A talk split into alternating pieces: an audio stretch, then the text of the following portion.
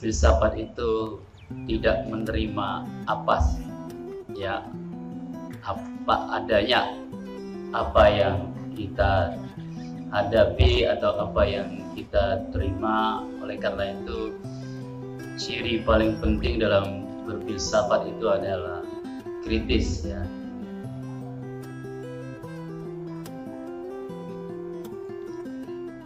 Bagi sebagian orang mungkin atau orang yang sedang berpuasa dan status quo mungkin eh, takut dengan banyaknya pertanyaannya karena kalau banyak bertanya nanti ya banyak yang harus dijelaskan sementara kan sebagian orang suka kegelapan dan ketidakjelasan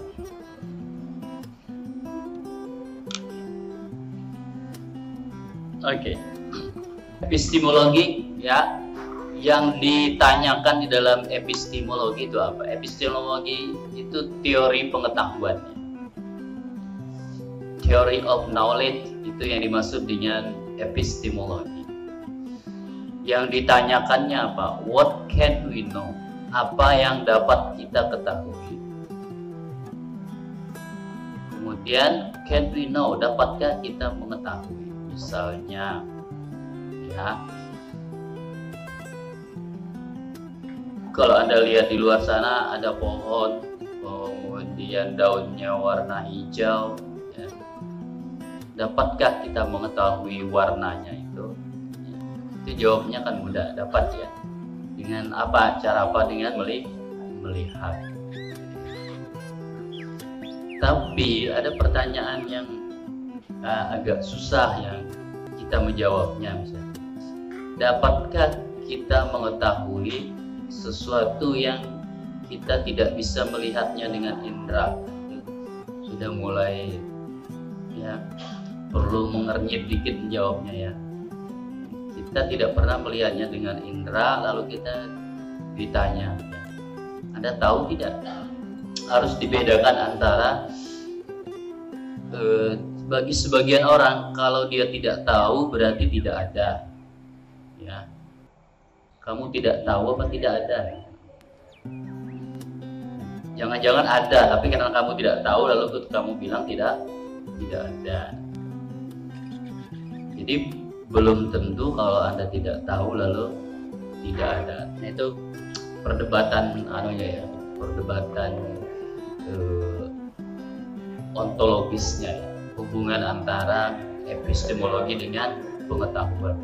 Tapi sebelum kita yang wilayah yang ruwet-ruwet seperti itu kita e, bertanya dulu ya, apa yang dimaksud dengan pengetahuan? Ya. Kalau Anda bilang saya tahu ya, saya tahu itu banyak pengertiannya saya tahu cara bersepeda motor. Itu juga pengetahuan ya. Saya tahu cara berenang. Berarti kalau Anda dilempar ke sungai ya kan. Kemudian Anda bisa mengapung ya. Tidak dengan gaya batu berarti Anda tahu cara berenang. Anda tahu nggak cara daftar ke Facebook atau buat akun di Instagram? berarti semuanya tahu tahu nggak cara masak nasi goreng yang tahu itu juga pengetahuan.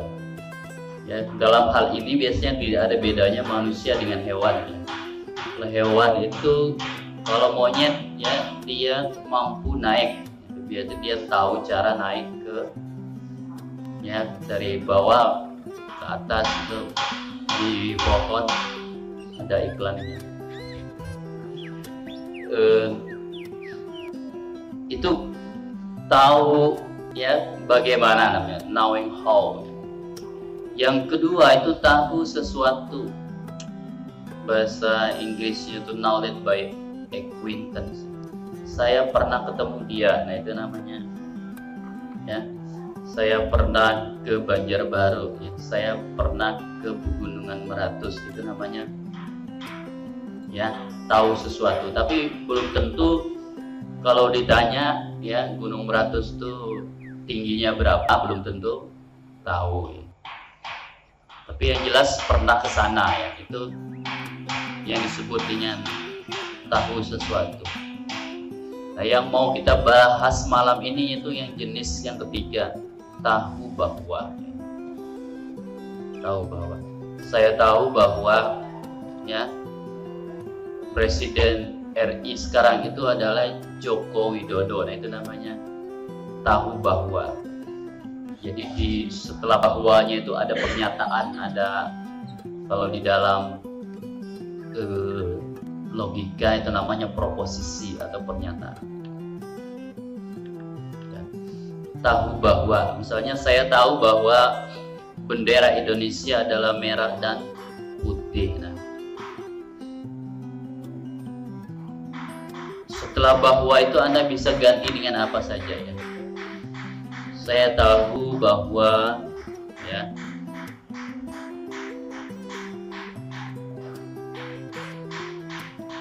di kantin UIN itu ya, kalau mau belanja sekarang itu semuanya harus ke kasir. Kasirnya satu saja.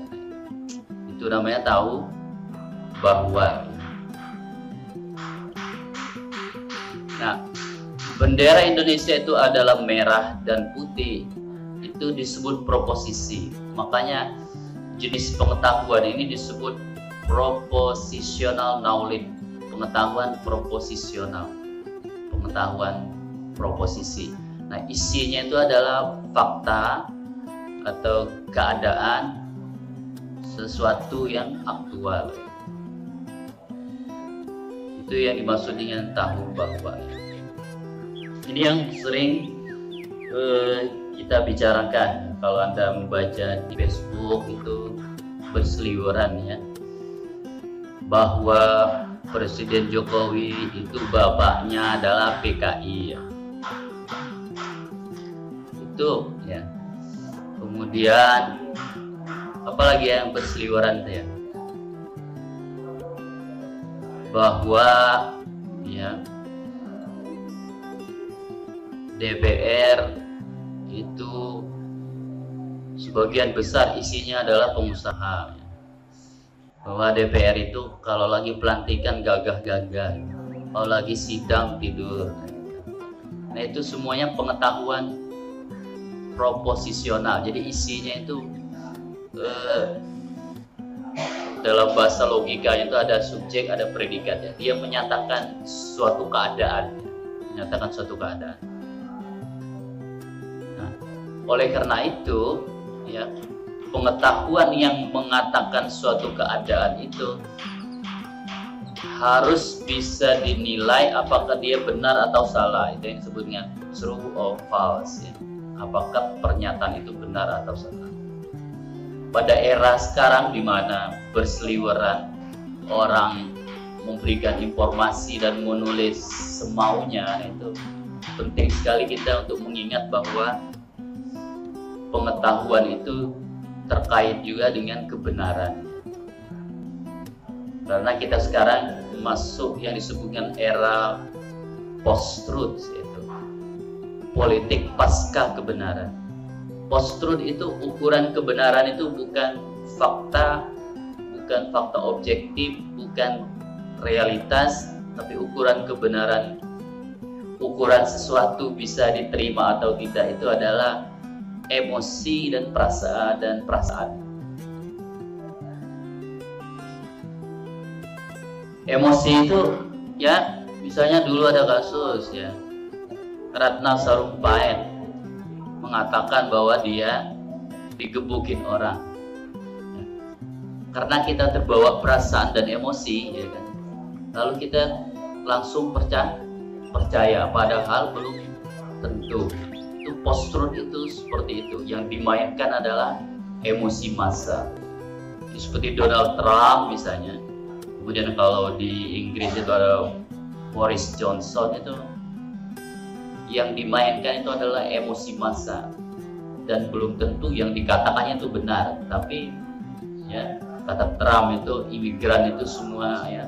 Imigran itu kriminal ya. imigran itu membuat apa suasana Amerika itu jadi tidak baik banyak yang kriminal kemudian narkoba dan sebagainya. Dan massa itu tidak mengecek apakah pernyataan itu benar atau salah. Diterima saja itu disebut dengan post truth ya era post truth kalau anda lihat debat di TV dan sebagainya politisi itu ngomong ya dia ngomong seenaknya. Ya. Apakah itu sesuai fakta atau tidak? Yang gitu. Yang penting dia ngomong keras. Yang asiknya itu ya. Buzzer-buzzer dan follower-follower itu mengiyakan bahwa itu adalah benar nah itu soalannya seperti itu. Karena ya ukurannya itu adalah emosi. Maka kita terbelah menjadi dua ya satu cebong satu kampret. Ya. Kalau cebong itu pokoknya apa saja yang dikerjakan Presiden Jokowi itu ya, diterima semuanya itu cebong. Jadi tidak main fakta lagi ya. Jadi kita kita sulit sekali memposisikan diri sekarang ya. Mau ngomong begini dikira orang cebong ya. Ngomong begitu dikira orang kampret. Jadi sulit memposisikan diri karena ukurannya adalah anda di pihak mana ya. anda di berada di bagian yang mana